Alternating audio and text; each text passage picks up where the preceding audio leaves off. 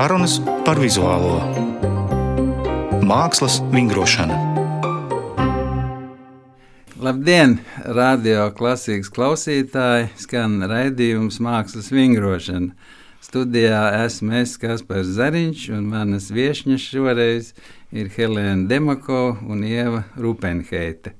Šīs abas dāmas nav uzskatāmas par glaznotājām vai grafiķiem vai kā citādi, bet viņām ir nedaudz teorētisks aspekts, bet katrā ziņā viņa loma Latvijas mākslas un kultūras vidē ir e, milzīga. Un tādēļ es esmu uzaicinājis šīs dāmas, Helēnu Demako, mūsu Latvijas kultūra vidē ir eh, uzskatām manā izpratnē par politiķu kultūroloģiju, kas ir veidojusi gan Latvijas kultūras ainu, devusi ieguldījumu būdama kā kultūras ministri vairāk kā piecus gadus, ja nemaldos.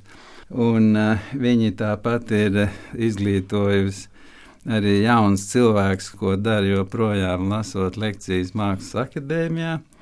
Viņa ir veidojusi neskaitāmas izstādes kā kurātore gan Latvijā, gan ārvalstīs.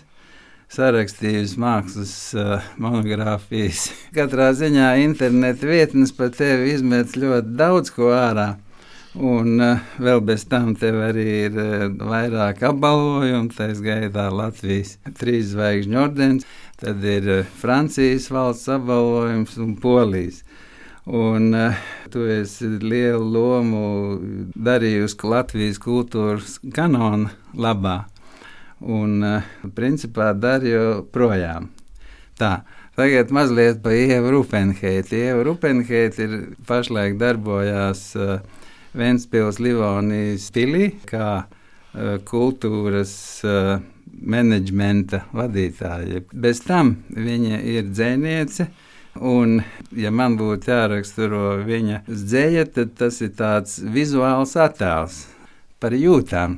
Tā skaitā, jo tur arī tiek atspoguļot daba ļoti daudz, bet principā tās ir, manuprāt, sievietes jūtas pārsvarā. Bez tam viņa darbojās arī kā izstāžu kurātore veido izstādes tātad šajā Ventspils Livonijas pilī, muzejā un ir darbojusies arī rakstot rakstus par kultūru, par izstādēm un tam līdzīgi. Nu, un kas uh, ir interesanti, ka abas šīs uh, dāmas arī glezno uh, savā priekam, un cerams, ka viņas to dara joprojām. Bet, nu, pietiks man runāt, tagad es lūgšu Helēnu Demakovu tu varētu atcerēties savu bērnību un ceļu uz mākslas pasauli, kas tev tur aizveda. Jā, labdien! Kas par interesanti, ka no bērnības es atceros tikai to, kas ir saistīts ar mākslu. Jo līdz 6, 7 gadu vecumam man ne par ko citu nekādu atmiņu nav. Un to mākslas pasauli veido divi aspekti, proti, mākslas darbi, kas mums bija mājās, uh, Daļa vēl ar vienu ir manā īpašumā, un es ceru, es nekad nešķiršos no kundziņa brīnišķīgās ainavas ar visiem Latviju gubu mākoņiem. Man ir viens Hildas Vīkas akts, kas man no dzimšanas ir pavadījis, piedāvām tāds ļoti modernistisks ar tādiem lieliem lokāliem krāsu laukumiem apkārt. Friedrichsona akvarelis no bērnības ir bijis, nu jā, Veļcova arī akts, un, un atkal siena gubas, ubāna un tā tālāk, un tā tālāk. Tas viss bija mājās, bet bija arī šis tas modernāks proti sutas zemstikla glaznojums, tiešām tās laustās kubistiskās formas. Bet, lai tās nebūtu tikai gleznas, gribu uzsvērt, ka zīmējums bija ļoti svarīgs. Mans vectēvs draudzējās ar Felicitu Pauļuku. Un no bērnības es lūkojos uz viņas bērnu ilustrācijām, ierāmētām. Viņa arī nāca bieži ciemos, runājās.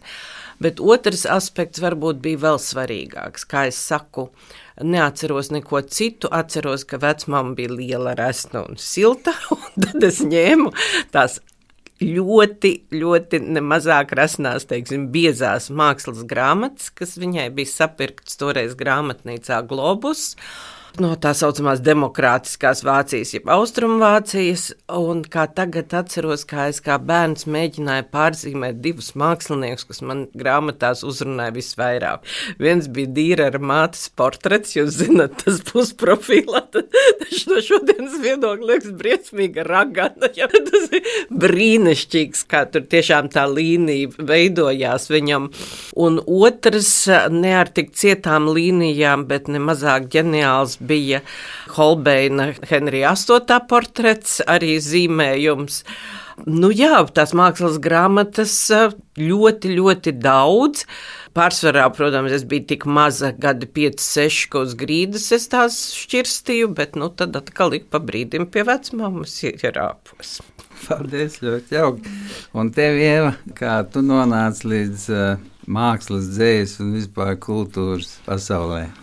Nu, tā līdzīgi man jāsaka, man gan nebija tik ievērojama mākslas darba pie sienām, bet, protams, ka tā mūsu virzība jau nāk no vecākiem vai no vecvecākiem. Un man bija divas vecmāmiņas, viena dzīvoja laukos, otra pilsētā. Un tad nu, tā, kas dzīvoja laukos, patiesībā arī bija bijusi pilsētniece. Viņa ļoti daudz tautas dziesmas zināja no galvas, un vienmēr, kad mēs kaut kur staigājām, viņa bija tāda, nu, kas tā kā lika ievērot kaut ko dabā arī. Un savukārt Rīgā dzīvojot, māma man bieži veda uz visādiem pasākumiem, kas notika toreiz Dieva ausī. Un es atceros, ka bija tāds uh, Krievu drāmas teātra aktiera Nu, diemžēl es neatceros viņu vārdu. Viņš lasīja sēņinu, un man liekas, ka man bija varēja būt kādi astoņi gadi. Un es ļoti pārdzīvoju to čornīšu cilvēku, jo es diezgan labi sapratu jau toreiz krieviski. Un man liekas, ka ir mākslas darbi un vērošana, bet tad ir tas pārdzīvojums, un tas bija tas mākslas pārdzīvojums, ko es atceros no, mm -hmm. no mhm. bērnības arī.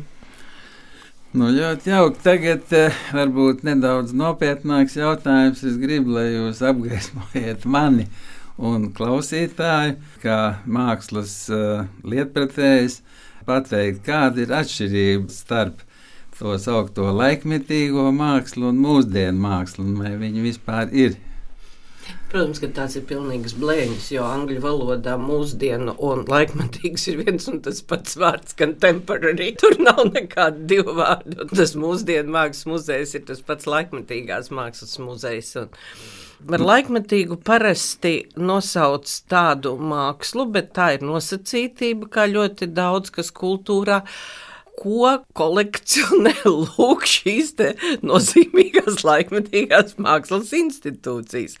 Bet tas nenozīmē, ka cita māksla, kura varbūt pašreizējā brīdī laikmetīgās mākslas muzejos neiekļaujās, ka viņa nevarētu tikt kolekcionēta un tā tiek kolekcionēta Nacionālas nozīmes institūcijās. Nu, minēšu piemēru tāds brīnišķīgs mākslinieks, kuru ilgus gadus, kura pieminēšana tika uzskatīta par pilnīgi kiču, un tad sākās pamazām viņa rehabilitācija.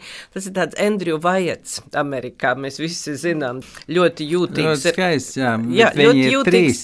Jā. Ir tēvs, tad ir vidējais, ir tas Andrew, kas ir jā. labākais, un ir dēls. Jā, jā. Vēl, nu jau tā Helgas sērija, kas ir sieviete. Tur kur, bija kur... vesels skandāls ar to. jā, bet skandāls man mazāk interesē, bet ar laiku tai visai sērijai jau var piedot kādu konceptuālu virsjēgu. Nu, es gribu teikt tā, ka parasti par laikmetīgu mākslu šajā nosacītības ielokā uzskata tādu mākslu, kurā tomēr dominē šis konceptuālais kodols, un tomēr ideja ir izteiktāka par, par formālo par, izpildījumu. Nu, tā būtu tā īsa. Varbūt, definīcija. kad eh, pēc kādiem principiem tu novērtē mākslas darba kvalitāti, kas tev ir svarīgi. Pie viena varbūt arī, vai mākslā ir jābūt eh, aktuālai, ja provocējošai, kā tagad modē teikt tu minēji, ka konceptuālā jēga ir primāra, bet varbūt tā mākslas darba forma var kļūt arī par eh, koncepta daļu, kas varbūt ir stiprāks par pašu to literāro darba sižetu, nu, ja tā var teikt. Kaspēr, es laikam neesmu īstais cilvēks, jo, kad man iestājās pusmūči, es sapratu, ka man visu laiku mīļākais mākslinieks ir Karavadžo. Izbraukājus pasaulē visas vietas, ieskaitos Mesīnā, Sicīlijā, lai divus viņa darbus apskatītos, Romā pilnīgi visur 21 darbu un tā tālāk. Nu, otrs mīļākais mākslinieks man ir Vermērs. Laikam es nebūšu tas pareizais cilvēks, kas kaut kādas uh, apoloģijas. Nē, nu, bet, tieši bet kāpēc viņš tev ir mīļākais? Tev ir kaut kāda kritērija. Nu, pirmām kārtām, kā? kas par jaunībā, es atbildētu tavu jautājumu citādāk. Šobrīd man ir tikai viena un vienīga atbilde, tā ir pieredze. Tad, kad tu esi visu dzīvi, un tiešām, nu, sākot, kā es teicu, no sešu gadu vecuma, tu nemitīgi skaties un skaties mākslu. Es esmu lielāko daļu savas dzīves pavadījis skatoties uz mākslu. Jādomā, kurā kontinentā, kurā muzejā es neesmu bijusi skatoties tos oriģinālus.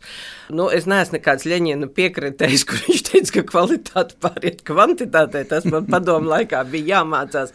Piemēram, mēra tas nav novērojams, jo viņiem ir ļoti maz darba. Nu, jā, bet mans mīļākais latviešu mākslinieks tam arī ļoti maz darba. Tas ir Bruno Vasiljevskis. Bet um, atbildot nopietni, aktuāla vienmēr ir māksla, kas, kas atspoguļo tā saucamās mūsdienas, caur kuru tiek mūsdienas izteiktas.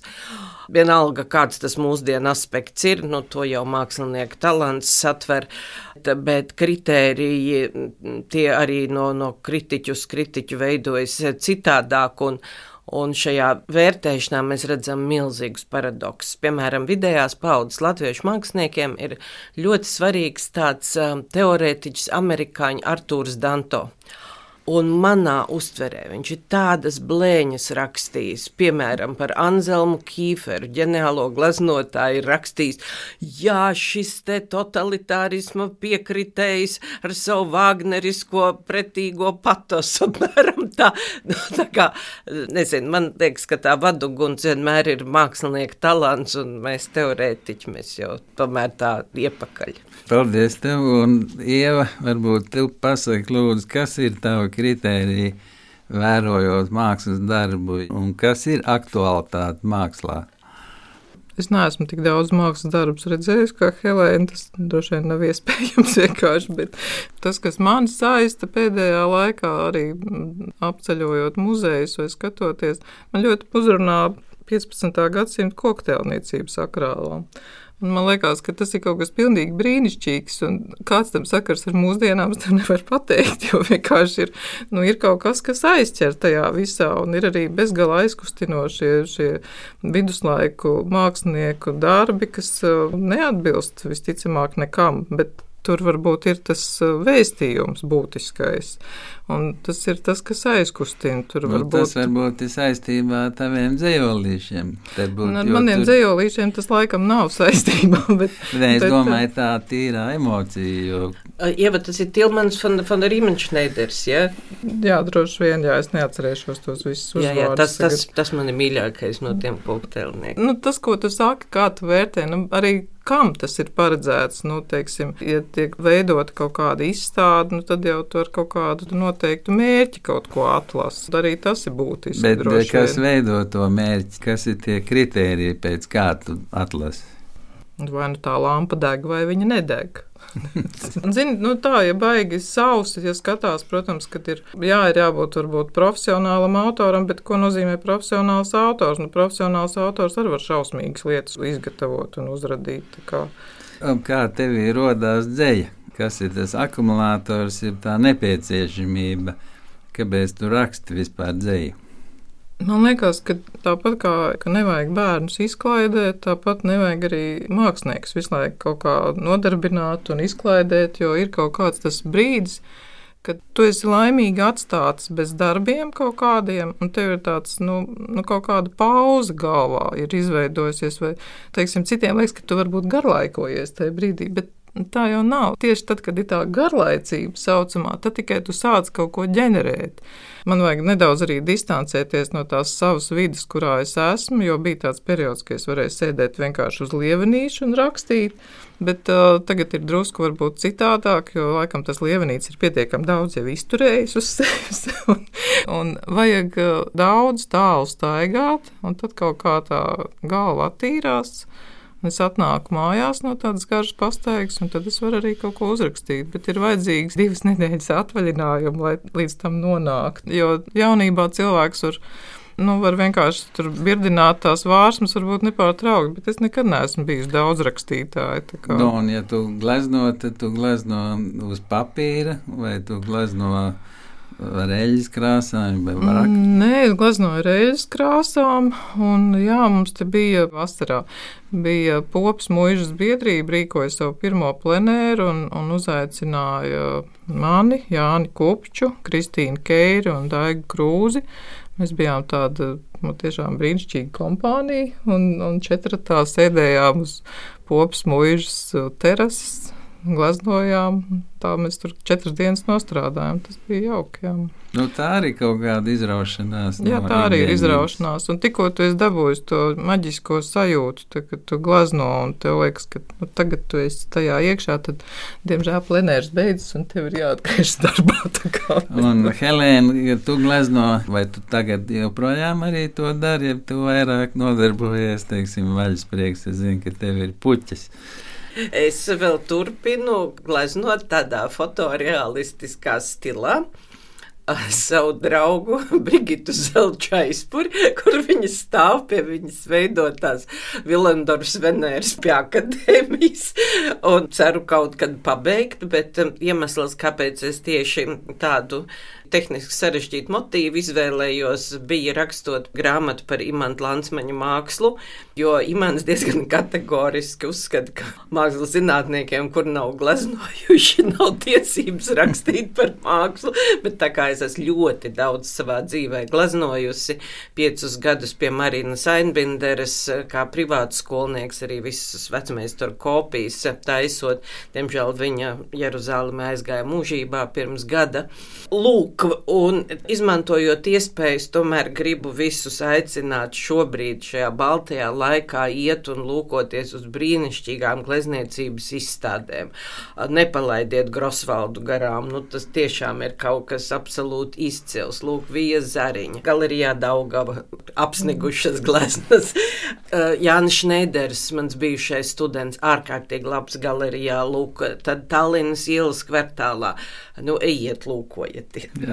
Tu, tu teici, ka tu glezno ļoti sen un tam līdzīgi. Kāpēc tu tomēr dzīves lielāko izvēli izdarīji par labu teorētiskajai daļai, teiksim, neizvēlējies gleznotāja ceļu?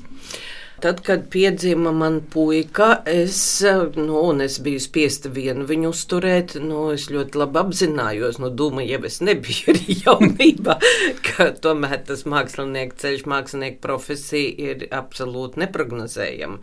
Tev nekas nav garantēts, un tomēr, nu, Pirmā izglītība man bija vācu filoloģija, pēc tam tikai kultūra un māksla. Bet eh, nē, tā bija tomēr tāda izvēle par labu tam, ka ir, ir bērns ir jābaro. No otras puses, arī gandrīz tikpat ilgu laiku es esmu pavadījusi politikā, bet tā kā ievasēd man blakus, es varu pateikt, arī esot augstā amatā, lielajā politikā, es veicu dažus radošus projektus, ieskaitot bez atlīdzības, kas ir svarīgi. Ventspils galvenajā bibliotekā lūk izveidoju šo te krājumu. Kas Jā, tagad... Tas ir Ventspils muzeja krājums. Jā, bet nu, to es sastādīju 2005. Jā. gadā. Jā, tā, tā ir ļoti liela vērtība. Nu, katrā ziņā, jā, nu, kur tu ņēmi laiku, ja, lai sarakstītu grāmatas, lai kūrētu izstādes, tas jau ir un arī 5 gadu kultūras ministrs amatā.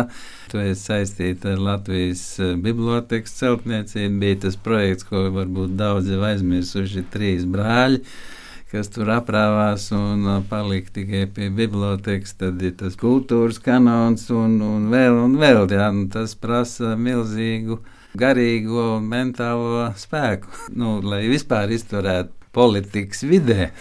tur vajag uzvilkt trīs ūdens līdē kostīmus un un neļaut sevi ieiet kaut kam tādam nu, satricinošam. Bet īstenībā, un pēc tam tev pašai jāatricina pasaule. Un tas ir tas grūtākais. Faktiski tas pats, kas vienam māksliniekam. Viņam arī ir jāatricina pasaule. Citi to grib, citiem neizdodas, citi negribot tricina.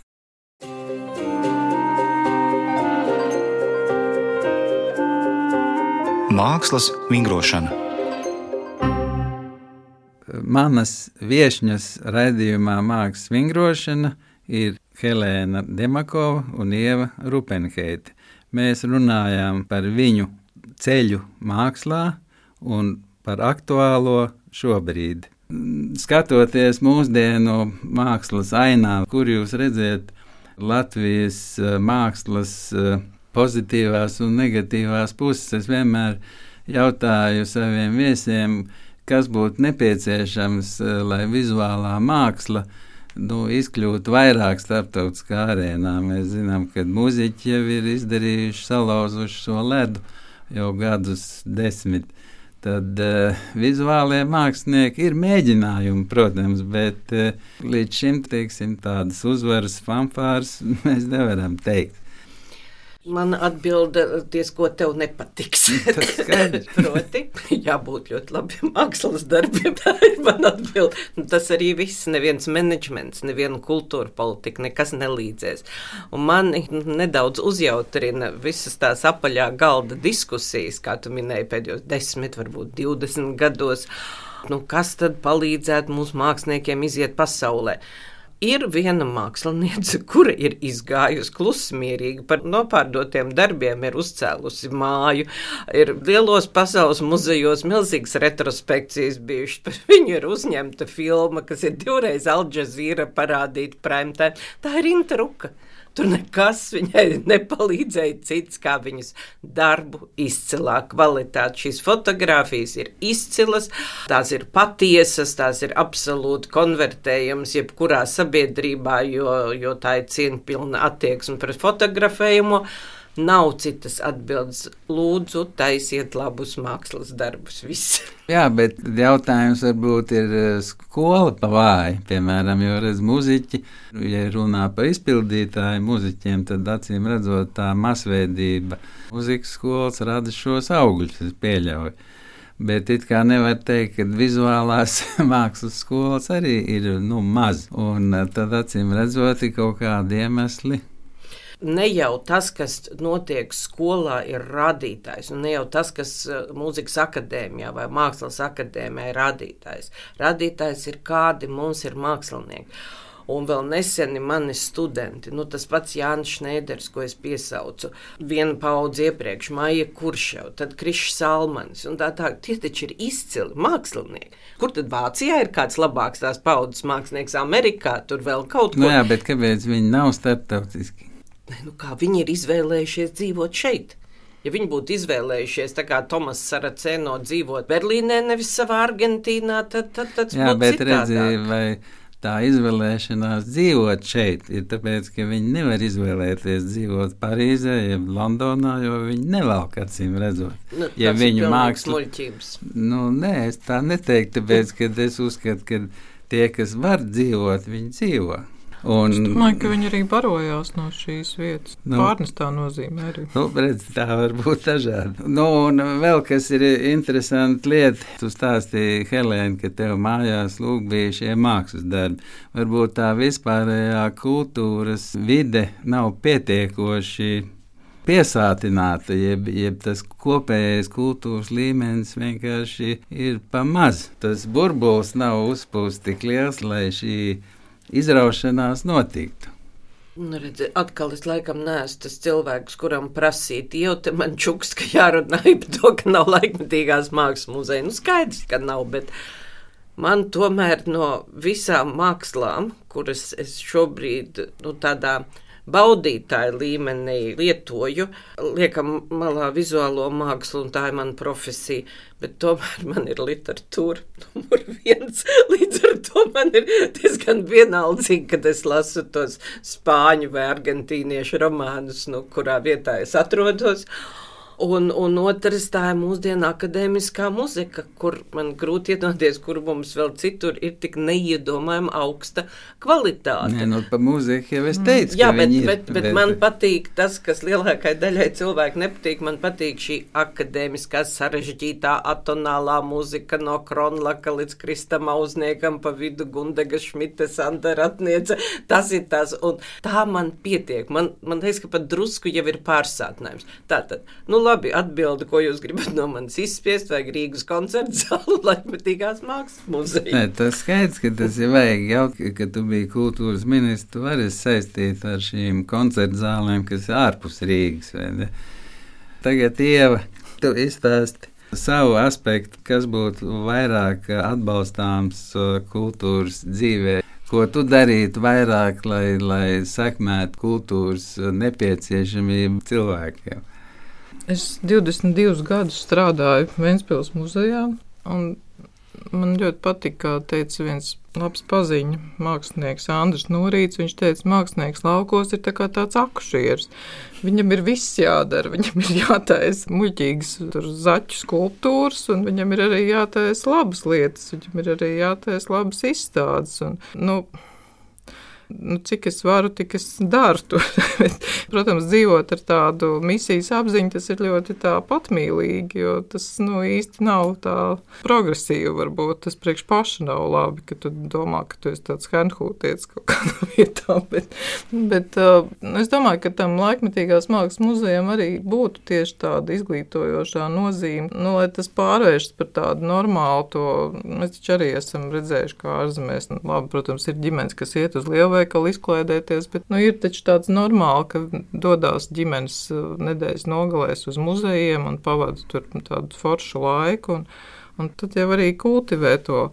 Nu, to sajūtu varbūt tiem cilvēkiem, nu, nav mājās pie sienas ne beļcovu, ne purvīšu skolnieki, bet tas ir svarīgi, ko tu redzi sev apkārt. Un, ja nav šīs laikmetīgās mākslas muzeja, tad Nav nu, tad arī neredz neko. Ne, nelaikmetīgo nu, mākslu. Nav jau, nav, nav jau arī, jā, es par jā, to varu no otras puses būt priecīgi, jo redz, labi, mākslinieki zāles, brauc tad uz Ventspils muzeju eksponēties.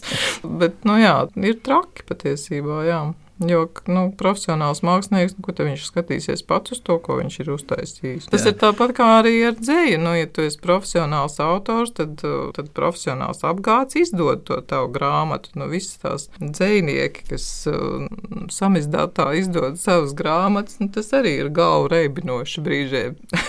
Nu, tad ir, nu, bet, ir bet grūti jūs, filtrēt bet, to bet, visu. Jā, saka, nu. grūti filtrēt. Tad tas nozīmē arī savā veidā Vai jums nešķiet, ka tajā mūsdienu pasaulē, tā skaitā Latvijā, kritērija trūkums, kvalitātes kritērija trūkums ir aktuāls? Sevišķi arī vizuālajā mākslā. Kam aktuāls? Nē, nu, es domāju, patērētājiem. patērētājiem, tāpat arī institūcijām, kad nav sajēgas vērtības skalā, mm. kvalitātes skalā. Man liekas, ka tie ļaudis Nacionālajā mākslas muzejā un arī galerijās ir pietiekami kompetenti. Tomēr redzot, kā viņi strādā ar kādu rūpību, kādas diskusijas notiek. Nu, man ir tiesības teikt, jo jau 11 gadus es esmu Nacionālā mākslas muzeja zinātniskajā padomē. Un tās diskusijas ir ļoti nopietnas. Tomēr, ja mēs runājam arī par dažādību, tomēr mēs paskatāmies, cik daudz izstāžu ar visu to, ka arsenāls ir ciet, bet augšā kupola zālē, ceturtā stāva zālē, nu, nemitīgi mainās dažādi virzienu mākslinieki, tie, kas ir tie aktuālie. Man nav iemesls apšaubīt muzeja darbinieku kompetenci. Domāju, ka varbūt Kaspars domāja, teiksim, ne tos jomas profesionāļus, bet tos, kas patērē to mākslu. Domāju, gan, gan, jo Jā. es eh, bieži redzu ne tikai šeit, kaut vai aizbraucot uz Venēcijas Benālu, Man bieži rodas jautājums, kāpēc uz to man jāskatās, ir kāpēc tas ir izvēlēts, lai to parādītu. Nu, par Venēciju tev ir pilnīgi taisnība. Un arī pagājušā Kasels dokumenta, tas jau ir tas laika gars, tas, ko tu prasīji par to aktuālo nu, tas politkorektums, kurā ir šīs straumes, lūk, mītū un postkoloniālisms, un cilvēki nu, ar samērā mazu mākslas skatīšanās pieredzi. Daļa no viņiem. Daļa, protams, tāda nav tā kā aizsaulē aizgājušais kurators Okuja Envezors. Viņam bija milzīga kompetence un viņa projekti bija ļoti labi, bet pagājušā Venecijas bienālē lielākā daļa darbu arsenālā bija vienkārši tā tādi nu, etnogrāfiski izšuvumi. Man vecmāma, kad uzlūkoja sliktas gleznas, teica, tās ir kā pastmarkas. Nu, tad tur arī telpiskie darbi bija kā pastmarkas, izvēlēti pilnīgi pēc citiem kritērijiem. Nu, tas ir laika gars, bet tas pāries. Cerams. Tuvojās Ziemassvētki, un eh, ko jūs gribētu iekārt, kādu vizuālo attēlu savā eglītē? Mm. Jeb kādu novēlējumu jūs uzrakstītu sev un citiem? lai mirs virs zemes. Nu, tas ir ļoti aktuāli mūsdienās. un cilvēkiem Jā. labs prāts. Es neesmu par to domājusi. Pēdējais laiks. es papildināšu, ko Ieva saka. Ne tikai cilvēkiem labs prāts, tā kā es esmu dzīvnieka īpašnieks, man ir suns, lai tam manam dzīvniekam ir labs prāts. nu, kāds uh, saimnieks, tāds suns. Ja, te, ja tev būs labs prāts, tad viņam arī būs labs prāts. Paldies jums, Mieši, par sarunu. Es domāju, ka mēs varētu vēl uztaisīt vairākas sērijas par šo, jo izrunāt mākslu jau ir ļoti grūti. Tāpēc viņi ir jāskatās klātienē. Tad uz to, lai būtu uz ko skatīties. Paldies un priecīgus Ziemassvētkus! Priecīgus! Priecīgus! Šodien raidījumā Mākslas vingrošana es tikos ar divām viesņām, kultūras nesējām. Helēnu Demakovu un Ievu Rupenheiti. Raidījumu vadīja es, Kaspars Zariņš, producente Inta Pīrāga.